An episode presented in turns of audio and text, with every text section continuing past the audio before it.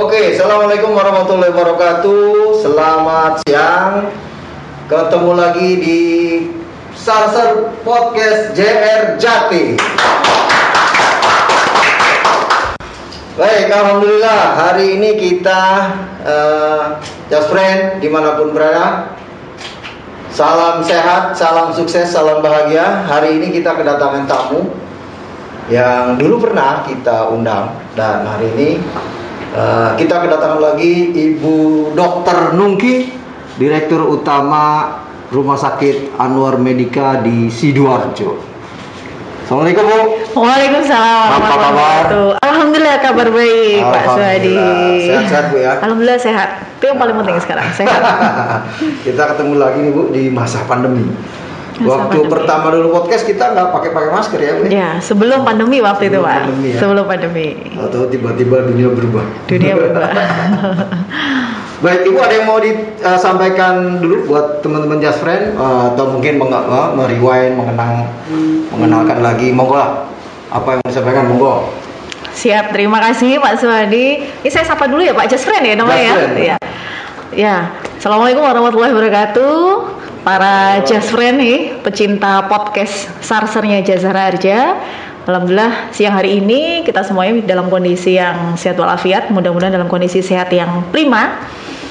Alhamdulillah ini kali kedua saya terima kasih sudah diundang ke Jasara Harja kantor regional Jawa Timur ya Pak Ya, Suhadi di betul. sini bisa bergabung dengan teman-teman Jaseren semuanya. Alhamdulillah juga hari ini nih kalau kita ngomong pandemi sedikit ya Pak Suhadi ya. Iya. Ini kita pas lagi di fase di khususnya seminggu terakhir ini nih kasus COVID di nasi- secara nasional turun di Jawa Timur khususnya di Sidoarjo. Iya. Surabaya juga ngikut turun juga alhamdulillah. Mudah-mudahan Covid ini dia datang secara tidak diundang tiba-tiba. Mudah-mudahan setelah ini juga segera menghilang. Dan tentunya Covid ini datang pasti akan membawa banyak hikmah untuk kehidupan seluruh umat manusia ya. Iya. Dengan Covid ini akhirnya muncullah tatanan kehidupan baru, new normal, membuat kita jadi lebih pinter lagi kalau di rumah sakit pak karena rumah sakit terus terus ditantang untuk terus mengupgrade kompetensi semua tenaga medisnya semua tenaga paramedisnya ya dengan adanya covid ini. Jadi ini Ya. covid memberi hikmah untuk semua orang lah pastinya. Kita ambil dari sisi positifnya gitu mungkin pak Zadi ya. Kira-kira begitu. Mudah-mudahan teman-teman CR sehat semua. Oke, eh, yang pertama Bu mungkin di pikiran kita ini eh, sekarang ini orang dulu rasa saya kalau orang sakit segera ke rumah sakit. sekarang rumah sakit. Karena ada BPJS. yap Sekarang ini banyak orang ya kayaknya nih perasaan saya termasuk saya soalnya kalau ada sakit-sakit Ya. sekarang takut ke rumah sakit. takut Pasti takut sebenarnya tertular. takutnya kenapa nih pak Ya takut tertular bu. Oh, takut kan rumah sakit jadi tertular. pusat apa namanya jadi eh, pusat eh, virus. penanganan Nah, begitu sebetulnya pengelolaan di rumah sakit tentang pencegahan penularan tuh gimana bu?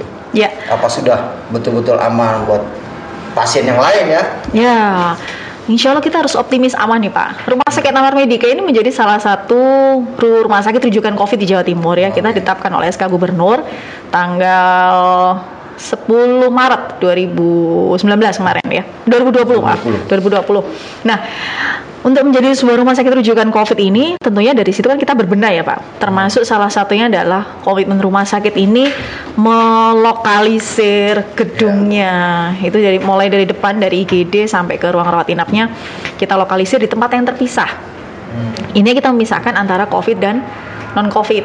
Oke, oke. Ini semata-mata untuk safety juga, kenyamanan juga pasien. Dari gedungnya sudah kita localize, kemudian dari sistem tata kerjanya, ini kan karena COVID ini SARS-CoV-2 ini adalah virus baru dalam ilmu kedokteran itu yang selalu berkembang, kita pun juga mengikuti mengikuti perkembangan ilmu kedokteran, kita pun Oke. juga turut senantiasa berbenah. Salah satunya memperbaiki eh, sistem sistem tata kerja klinisnya, penanganan COVID-nya, mulai dari pencegahan infeksinya, Iya. gedungnya, sarprasnya, termasuk nakesnya juga. Hmm. Ini semuanya kita atur sedemikian rupa sehingga masyarakat sudah nggak perlu lagi takut untuk ke rumah sakit gitu. Karena sama aja sih dengan kita menunda sementara pengobatan, Oke. iya kalau itu kemudian bisa diobati sesuai dengan kaidah yang benar sih nggak masalah sih Pak. Tapi, tapi kalau pada akhirnya tidak menemukan solusi yang tepat, malah akan menambah masalah, menambah penyakit yang udah cuma satu menjadi dua, tiga karena keengganan untuk datang ke rumah sakit. Insya Allah sih kalau sekarang nggak perlu khawatir sih Pak karena Khawatir ya? semuanya Aman sudah ya? tercukupi dari APD-nya, nakesnya, Insya Allah semuanya sudah aman. Gedungnya juga terpisah, lainnya terpisah. Kalau nggak salah dulu kan ada jargon atau ada apa kata-kata ya. Kalau anda tidak patah tulang, kalau anda Iya. tidak benar jangan ke rumah sakit. ya, jadi ini orang akhirnya orang yang datang ke rumah sakit udah parah-parah ya Pak. Ya, gitu ya. Nah itu sempat kan waktu di bulan Juli Agustus dan kemarin November Desember Januari kita pas lagi pik-piknya itu, itu itu masalah terberatnya adalah salah satunya karena pasien ini enggan ke rumah sakit, Iya. jadi datang ke rumah sakit secara pre-hospital kondisinya udah Udah. udah jelek-jelek semua. Akhirnya begitu nyampe rumah sakit kita nggak bisa melakukan yang sangat optimal karena Iya. datang sudah dalam kondisi Parah. Parah sudah terlambat. Jadi sekarang aman sebetulnya ke rumah Allah aman. Kita aja Karena kita pisah di rawat jalan, klinik COVID-nya kita pisah, Hmm. pemeriksaan PCR, rapid antigen kita juga drive thru, terpisah Hmm. semua dengan layanan yang normal. disinfektan terus ruangan bu ya. Terus itu Iya. sudah sesuai dengan protokol pencegahan infeksi. Oke, oke, oke, oke. Ya friend. Jadi aman kita kalau flu-flu Aman lah. jangan ragu-ragu ke rumah sakit. Ya. Bertanya pada orang juga. yang tepat. kan gitu Pak, bertanya harus pada orang yang tepat ya, sesuai betul, dengan kompetensinya. Bu terkait dengan uh, apa? Laka lantas. Laka lantas. Nah, untuk uh, periode pandemi ini, masa pandemi ini penanganannya gimana? Ada beda, ada perbedaan? Atau Kalau semuanya di swab atau semuanya uh, diperiksa COVID-nya gitu? Kalau di kami kebijakannya mengacu ke peraturan Kementerian Kesehatan Pak. Jadi nggak semuanya dilakukan screening dengan swab PCR atau rapid antigen. Jadi tetap sesuai dengan indikasi. Oh, gitu ya? Waktu di awal pandemi dengan adanya kebijakan WFH, stay at home, itu kasus laka lantasnya turun. Turun. Jadi terus sekarang sudah sepertinya sudah mulai naik lagi. Dengan lagi ya, karena orang sudah mobilitas. sudah Betul. mulai. Cuman kita sama sekali nggak nggak merubah nggak merubah pedoman tata laksananya. Kemudian kalau pandemi terus semua pasien yang masuk kayak gini kemudian harus melakukan uh, swab PCR enggak. Kita tetap sesuai dengan hasil pemeriksaannya. Kalau ada indikasi diperiksa rapid antigen atau PCR ya kita lakukan pemeriksaan. Kalau enggak ya enggak gitu. Iya. Sehingga kita pun dengan adanya pandemi ini akhirnya rumah sakit juga punya layanan Okta Covid juga Pak Hmm. untuk pasien-pasien yang membutuhkan layanan operasi ternyata confirm atau probable ya akhirnya kita kerjakan di Oka Covid Hmm. gitu. Sejauh ini ada masalah bu dengan jasa raharja? Alhamdulillah kalau dengan jasa kerja aman tanpa masalah. Karena semua proses pengklaimannya cepat, kemudian untuk pencairannya juga relatif lebih cepat. Alhamdulillah Pak. Itu apa program kita yang awal dulu Jasdika itu Jasdika, Raharja, ya. Itu, Ah. itu kan ah, ya langkah digitalisasi kerjasama rumah sakit. ya. Tuh. Ah, ini mungkin ada beberapa juga yang kemudian mengaplikasikan seperti itu. Yep. Sejauh ini mempermudah masyarakat ya? Sangat mempermudah. atau sistemnya bagaimana? Ibu bisa Jadi aplikasi Jasdika itu kebetulan dulu saya memberi namanya terinspirasi nama menggabungkan antara Jasa Raja dan Anwar Medika. Medika. Ini sebuah ya kalau saya bilang itu sebuah aplikasi fenomenal juga ya Pak. Kenapa fenomenal? Karena kalau di Anwar Medika itu Jasdika itu menjadi pilot project perdana tim IT kami yang waktu itu diminta oleh Jasa Raja membuat sebuah aplikasi. Nah ini ini fenomenalnya. Kita nggak waktu itu dengan tim IT yang masih sangat minimize, kita di challenge untuk membuat sebuah mendevelop sebuah aplikasi ini kan sebuah hal yang sangat luar biasa. Mendevelop aplikasi di mana kita harus harus selalu bersinergi. Aplikasi yang di develop itu bukan hanya manfaatnya untuk rumah sakit, untuk jasa raja dan keluarga pasien ya, ya. Sehingga bisa mengakses sampai ke oh, penjaminannya, penjaminan jasa harja. Jadi ini mempercepat mempercepat proses dari layanan dari depan sejak penanganan, kemudian pengeklaiman sampai ke full up keluarga pasien. Kalau pengen tahu sejauh mana dijamin oleh jasa harja ini bisa mengakses di lewat Androidnya, HP Androidnya masing-masing. Gitu. Ini sebuah terobosan yang luar biasa lah Pak waktu itu kalau untuk kami ya untuk Jasdika. Dan sampai sekarang masih kita aplikasikan juga ya terus kita maintenance. Dan dengan sekarang dengan tim IT kami yang sudah lebih banyak lebih optimal nah ini Jasdika ini menjadi menjadi sebuah pembelajaran yang luar biasa untuk Anwar- Medika ini. Terima kasih nih Jasa Raja sudah memberikan challenge yang luar biasa. Ya waktu itu kita aja agak ragu-ragu tapi ternyata bisa. Jadi Jaspren Jasdika ini kerjasama Jasa Raharja dengan Anwar Medika di Sidoarjo. Itu memberikan informasi tagihan ya, Ya. pengobatan, biaya pengobatan eh, dari sejak masuk Siap masuk. sampai keluar Garansi letternya sudah approval atau belum? Sampai kemudian dirawat di mana? sampai berapa Nah, penjara? istimewanya ini eh, itu bisa diakses oleh Jasara Harja. Ya. Biayanya kita berapa? open. Diakses oleh Anwar Medika pasti. Ya. Dan yang lebih penting bisa diakses oleh keluarga Dan pasien keluarga ya. pasien. lewat Siap. HP Android. Android. Nah, ini eh, dengan Jasdika ini semua serba transparan. Sebenarnya transparan. Batasan kita kan 20 juta, Bu. 20 ya. juta, Ya, betul. artinya keluarga juga bisa tahu bahwa sudah sampai berapa Betul, jaminan oleh iya. Jasara Harja. Jadi tidak perlu juga. Ya ini kan karena teknologi digitalisasi ini sangat mudah kan kan Pak. Hmm. Kalau dulu kan kita masih sebelum ada Jasdika masih manual. Saya sudah plafonnya habis berapa? Kita mesti harus ngecek lagi di invoice ya di sistem Iya. kami. Kalau sekarang sudah langsung klik-klik Iya, iya. semua dalam genggaman. kan? Ini memudahkan masyarakat, Sangat memudahkan masyarakat. Jasara Harja, Tentunya jasa eh, jasa raja dan rumah memudahkan sakit juga. Tapi lancar ya pembayaran dari Jasara Harja. Alhamdulillah lancar dan selalu Alhamdulillah. lancar. Kalau nggak lancar kepada kepala sidoarjo deh. Lancar semuanya. Terima kasih Jasa Harja. Semoga nanti eh, instansi yang lainnya, asuransi-asuransi Hmm. sosial maupun komersial bisa mengikuti jejak Jasa Harja. Bu kaitan dengan kembali ke pandemi Bu, saya tertarik dengan apa? Saya pernah dengar ada plasma apa tuh Bu? Plasma konvalesen. Konvalesen. Itu apa sih Bu? Kemudian apakah itu mengobati orang? Kan sekarang dicari-cari Bu, ada komunitas WhatsApp eh, khusus pasien TPK. penyintas. Penyintas. Itu maksudnya apa sih Bu sebetulnya? Ah, kalau terapi plasma konvalesen ini salah satu protokol terapi untuk tata laksana COVID sih Pak emang. Hmm. Dia diambilkan dari dari antibodi seseorang yang sudah terpapar COVID, sudah sembuh. Sembuh. Yang kita harapkan di situ dia punya antibodi antibodi yang cukup kuat sehingga kenapa kok harus didonorkan? Ini bisa Ya. membantu memberikan memberikan antibodi pasif ke pasien-pasien. COVID yang lainnya gitu Se- sehingga antibodinya menjadi lebih kuat. Harapannya seperti itu. Cuman kan emang nggak mudah untuk mendapatkan Hmm. plasma konvalesen ini. Hmm. Nah sekarang kalau sekarang sih informasi yang terakhir lebih lebih mudah didapat sih dari PMI dibandingkan yang waktu awal pandemi pas lagi Ya. peaknya banyak kosong. Ini salah satu protokol terapi juga. Tapi itu eh, artinya menyembuhkan gitu. Kalau dibilang menyembuhkan dalam artian membunuh virusnya enggak, karena dia cara kerjanya berbeda. Meningkatkan antibodi dalam tubuh sehingga bisa melawan virusnya. Jadi secara tidak langsung. Ah, Nah, seperti iya, itu. Tapi plasma konvalesen ini nggak bisa berdiri sendiri.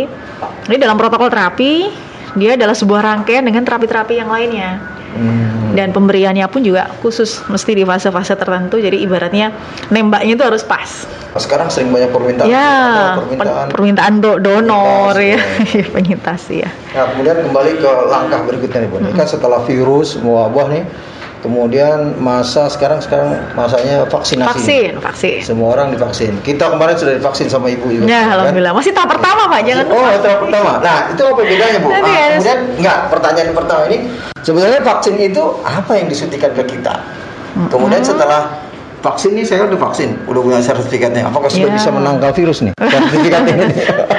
Sebetulnya kalau disebut langsung betul-betul menangkal virus, iya nggak bisa begitu juga sih Pak. Ini kan lebih ke arah vaksinasi ini kita memberikan pasif ya, eh, imunoglobulin pasif supaya pada saat ini virus yang dilemahkan supaya pada saat nanti seandainya kita terpapar COVID kita tubuh kita itu jauh lebih siap nggak sampai jatuh ke derajat yang lebih berat. Tapi bukan berarti dengan vaksin itu kemudian kita sudah saya pasti akan terbebas dari paparan, kemudian saya bebas melakukan apa saja, melupakan Masker. protokol, nggak bisa gitu juga, tetap. Tetap harus Ini kan bukan bukan dalam rangka untuk melindungi bahwa saya nggak akan kena nggak, Hmm. tapi lebih ke arah kalaupun kena, ini tubuh lebih siap untuk melawan. Hmm. Kalaupun kena, ya nggak sampai berat, seperti itu.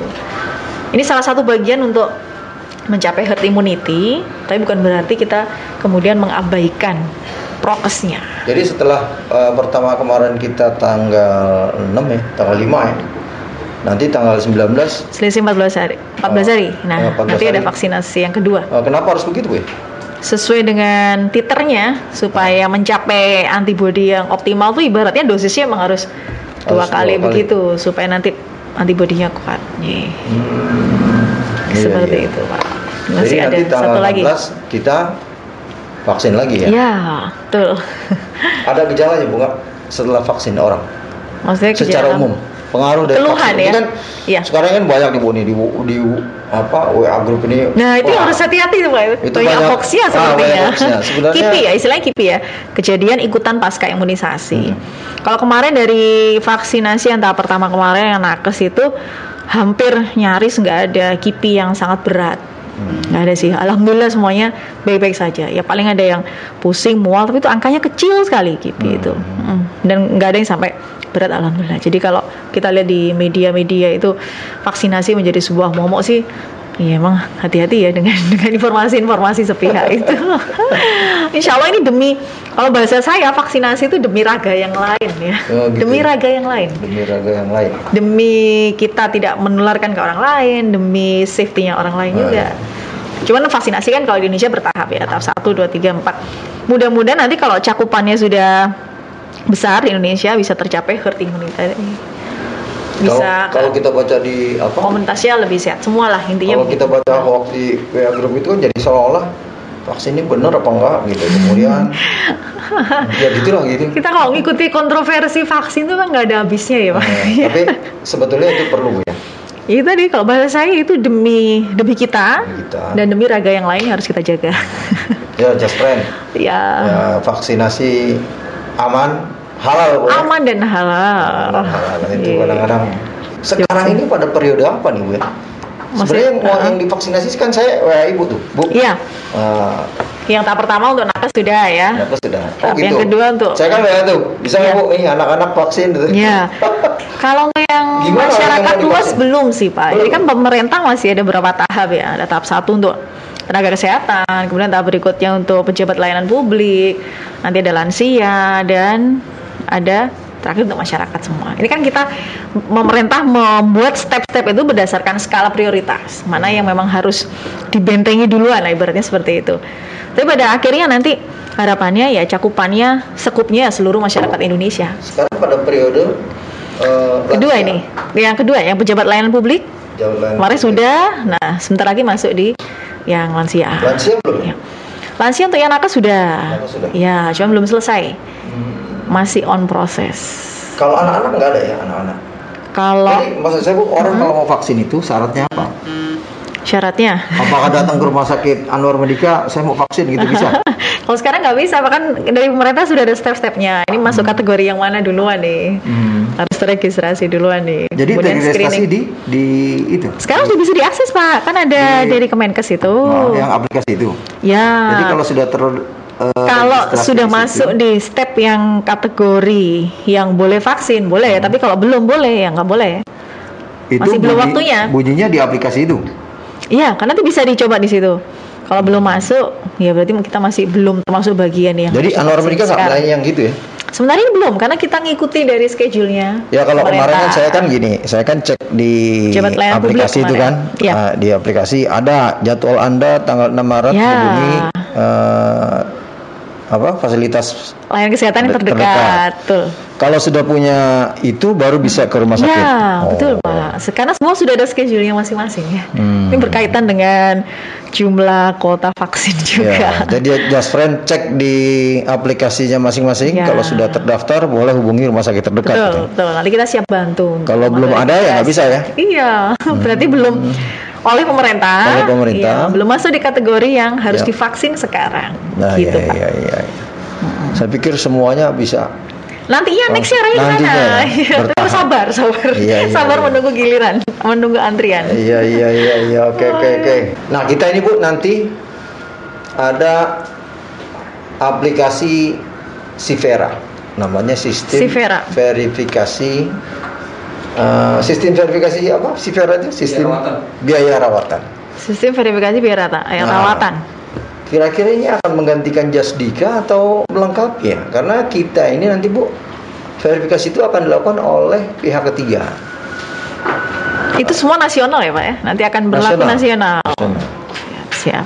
Menurut eh, pandangan ibu kira-kira ini akan akan melengkapi atau menggantikan ya? Nah, mesti ini tergantung dari aplikasinya ini sejauh apa nih Pak? Hmm, kita kan dengan pihak ketiga itu dengan Ad Medica kalau Ya, nggak salah. Medica. Cuma ada- aplikasinya ada, ada, ada ini kan? Ada, sudah ada. Kita kerjasama dengan Admedica Kerjasama. sudah sudah. Cuman untuk aplikasi si Vera ini apakah nanti nextnya juga punya eh, kebebasan ini ya apa eh, terjangkau oleh semua artinya keluarga pasien juga bisa mengakses affordable lah pak kayak Justika ini kan kita betul-betul open ya semua bisa mengakses Ya, nah ya. nanti si Vera ini apakah pasien dan keluarga juga bisa ini? Ya, Bu secara secara apa namanya? Secara singkat saja menurut Ibu plafon kita itu 20 juta itu Hmm. untuk laka lantas ya. laka lantas Yang dirawat di tempat Ibu kira-kira cukup atau Eh, rumah sakit kami Anwar Medika ini kan sebagai TAC satu-satunya di Sidoarjo, Traffic Accident Center. Jadi Hmm. Ya. pusat penanganan kecelakaan lalu lintas. pokoknya laka lantas Eh, Semua laka lantas itu kita kan punya Ya. punya Karena punya layanan itu. kebanyakan Sidoarjo, Anwar Medika, Sidoarjo. Apalagi jalur Gaza tuh Pak, jalur Gaza lewatin rumah sakit kita itu nah. Rumahnya apa TAC ya? TAC, karena kita satu-satunya di Sidoarjo, Oh. ya TAC Anwar Medika. Nah, yang jadi masalah karena kita pusat layanan kecelakaan lalu lintas, otomatis yang datang ke kita juga kondisinya Iya, iya. jarang yang kategori sedang, ya, rata-rata udah jatuh ke berat. Ya. Nah, pada saat berat ini, Pak, eh, biasanya biasanya asuransi hanya menghitung Anda dioperasi habisnya sekian. Hmm. Padahal layanan push op ini loh, Pak. Ini juga yang perlu diperhitungkan di depan. Kan jarang orang patah tulang Kemudian sekarang dioperasi selesai besok pulang oke. Tapi kemudian yang mungkin jarang untuk dihitung eh, kosnya adalah pada saat setelah pulang kontrol ke poli. Nah ini nih Hmm, untuk kecelakaan kecelakaan yang kasusnya berat bahkan sampai ada cedera otak sampai ada patah tulang ya. patah tulangnya pas di tulang-tulang panjang tulang-tulang besar ini pemulihannya lama pak Ya. belum nanti pemulihan pasca kecelakaannya itu yang berhubungan dengan rehab medik Hmm. fisioterapi nah ini akhirnya kosnya menjadi besar patah tulang kaki misalnya patah tulang paha gitu Ya. pak nah patah tulang paha Rata-rata ya pasti belasan pak operasinya aja ya itu ya operasinya aja. Iya, karena kan pasti durasi operasinya durasinya lama. Kemudian belum ini plat-platnya itu. Hmm. Belum nanti pasca perawatannya. Pemulihannya juga lama. Kontrol rawat lukanya. Semakin dalam lukanya, semakin yang patah ini tulang panjang, Iya. itu perawatan pasca operasinya, Pak. Rawat lukanya pasti lama. Kalau kendala dengan JR Bu selain eh, ya tadi kalau ada JR bagus lah. Ada Iya, cepet sih, Pak. hal-hal Kalau jasa yang aja. membuat kemudian pasien menjadi kebingungan. Misalnya kok nggak di apa nggak dilayani gitu misalnya apakah syarat-syarat apa gitu. Kalau yang Ada sekarang ini sih kendala kita paling banyak justru eh, di depan itu mungkin sedikit ini ini kasuistik sih menunggu garansi letter Garansi misalnya letter. karena berdas harus itu garansi letter kan bisa turun kalau ada laporan polisi. Iya. Nah, kadang-kadang menunggunya di situ menunggu laporan polisinya untuk Laporan turun. polisi itu eh, ibu yang lapor juga ya? Atau lewat Jasdika juga? Lewat Jasdika, ya? betul lewat Jasdika. Eh, polisi tahu sebetulnya. Betul, cuman kan barangkali karena Sidoarjo ini kasus lakanya Banyak. banyak, iya. Jadi untuk approvalnya pasti butuh waktu, mungkin gitu ya Pak Iya. Sadi ya, kira-kira. LP-nya, ya. eh, maksudnya approval dari kepolisian. Kepolisian ya, Oh, iya. Oke oke jadi catatan kita ya bu ya. Tuh, So, dan kita kan kalau untuk kasus-kasus laka yang sudah pasti dijamin oleh jasa harja sambil menunggu LP itu kebijakan di rumah sakit kami itu kita nggak ada sama sekali deposit. ya. Artinya kalau itu sudah dijamin ya sudah kita hanya tinggal menunggu garansi letter. gitu. Pasien tetap dilayani sesuai dengan hak kepesertaannya itu. Jadi nggak rugi apa apalah intinya. Nah bu kemudian yang eh, lebih maju lagi nih bu kita punya eh, ide sebenarnya idenya dari Jawa Timur itu eh, menurut pandangan kita ini ketika orang kecelakaan keluarganya meninggal atau keluarganya dirawat lalu Ya. luka-luka tetap tetap itu ada efek psikologis terhadap keluarganya. oh iya betul Nah, pasti. kemudian kita bikin eh, inovasi ke kantor pusat dan itu jadi juara kedua atau Oh. ketiga ya. Apa itu Pak inovasinya? Inovasi itu layanan psikologi pasca laka. Nah, Layanan laksi. psikologi pasca laka. Jadi ketika orang eh, ngajukan santunan, eh, kita identifikasi, kita berikan apa? Konseling Pak. Konseling. Oh, Konseling keren ya. lewat lewat apa? Lewat Oh, yang memberikan konselingnya dari psikologi dari Jasa dari harja. Oh, Jadi punya siap. seperti aplikasi gitu yang kemudian mereka masukkan data apakah perlu ya atau itu orang psikologi yang tahu ya. Tapi itu program itu kita lagi jalankan. Nah kira-kira kalau dari Anwar Medika ada nggak tuh unit psikologi bu? Oh iya iya. Karena ibu kan melayani apa korban laka lantas bisa juga kita sinergikan Oh untuk bisa pak. Nah ini akhirnya saya juga jadi nemu ide nih. Iya iya. Kalau di kami psikologi nggak ada, kita ada psikiater. Hmm. Ya spesialis kesehatan jiwa itu dan kalau di kami ini kita punya dari psikiater kami nih dua orang psikiater ini kami punya layanan hipnoterapi juga. Hipnoterapi. Oh, hipnoterapi. Hipnoterapi. Nah salah satunya itu sebagai pendekatan untuk pasien-pasien untuk keluarga pasien ya untuk Hmm. keluarga- bisa untuk pasien untuk pasien-pasien yang cacat misalnya Ya, ya. yang cacat permanen untuk keluarga pasien yang ditinggalkan ini bisa nanti kita bersinergi pak Ya sebelum itu Bisa pendekatan terapi Ibu, hipnoterapi. Apakah memang apa layanan ini apa dibutuhkan? Oh sangat dibutuhkan. Saya kira perlu Namanya ya. kondisi psikologis dalam dalam menghadapi sebuah musibah ya. Musibah laka lantas kan musibah unpredictable. Ya. Ya pasti kondisi psikologisnya pasti sangat terguncang. Nah itu peran psikiater di situ bisa masuk di situ. Boleh lah Pak nanti coba saya pikirkan dengan teman-teman untuk layanan yang pendekatan Hmm. psikologis tadi untuk kasus-kasus yang laka lantas. Kita Siap. memang eh, pandangan kita eh, tadi kepada kan kita punya tenaga psikologi juga. di sini ya Pak ya. Ah, punya psikolog. Kemudian kita kerjasama dengan universitas di sini yang terdekat, apa Erlangga di bidang apa di jurusan psikologinya. Iya. Nah, mungkin berikutnya mungkin kita lebih jauh dengan Bu Kalau di Nuki kami psikiater. ke Iya. psikiater kalau memang ada kasus-kasus yang Siap siap. yang perlu uh, Iya. lebih lanjut lah mungkin ya. Dan di kami ini Nah, psikiater eh, dua orang ini beliau yang satu juga konsultan, juga hipnoterapi juga udah sudah sudah mahir sudah bersertifikasi. Iya. Jadi itu pas nanti semoga bisa membantu psikologisnya pasien dan keluarganya. Ya. Jadi ini Siap. untuk ini Bu, untuk kepentingan masyarakat lah ya. Nah iya Jadi kerjasamanya kerjasama. kemanusiaan. Kemanusiaan. Nah sepakat. Kalau ada hal yang berat, Humanity. kita bisa koordinasi dengan Anwar Medika. Siap. Kalau ada yang berat, misalnya kan di sini psikolog nggak mampu atau di Erlangga kemudian eh, setelah kita kerjasama, Iya. eh, mungkin yang lebih berat ke psikiater. Ya. Oke. Pak. Kita siap bersinergi dalam rangka kemanusiaan. Ya, Sinergi in humanity.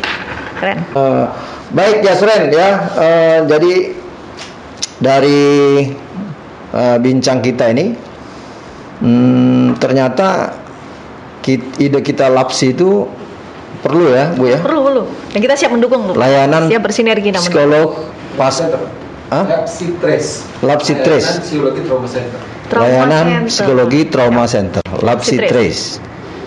Nah ini memang ini berarti lebih ke depan lagi layanan. Jadi jasa raja bukan menyerahkan santunan saja, tetapi juga eh, memberikan eh, pendampingan psikologi terhadap keluarga dan korban ketika pasca kecelakaan.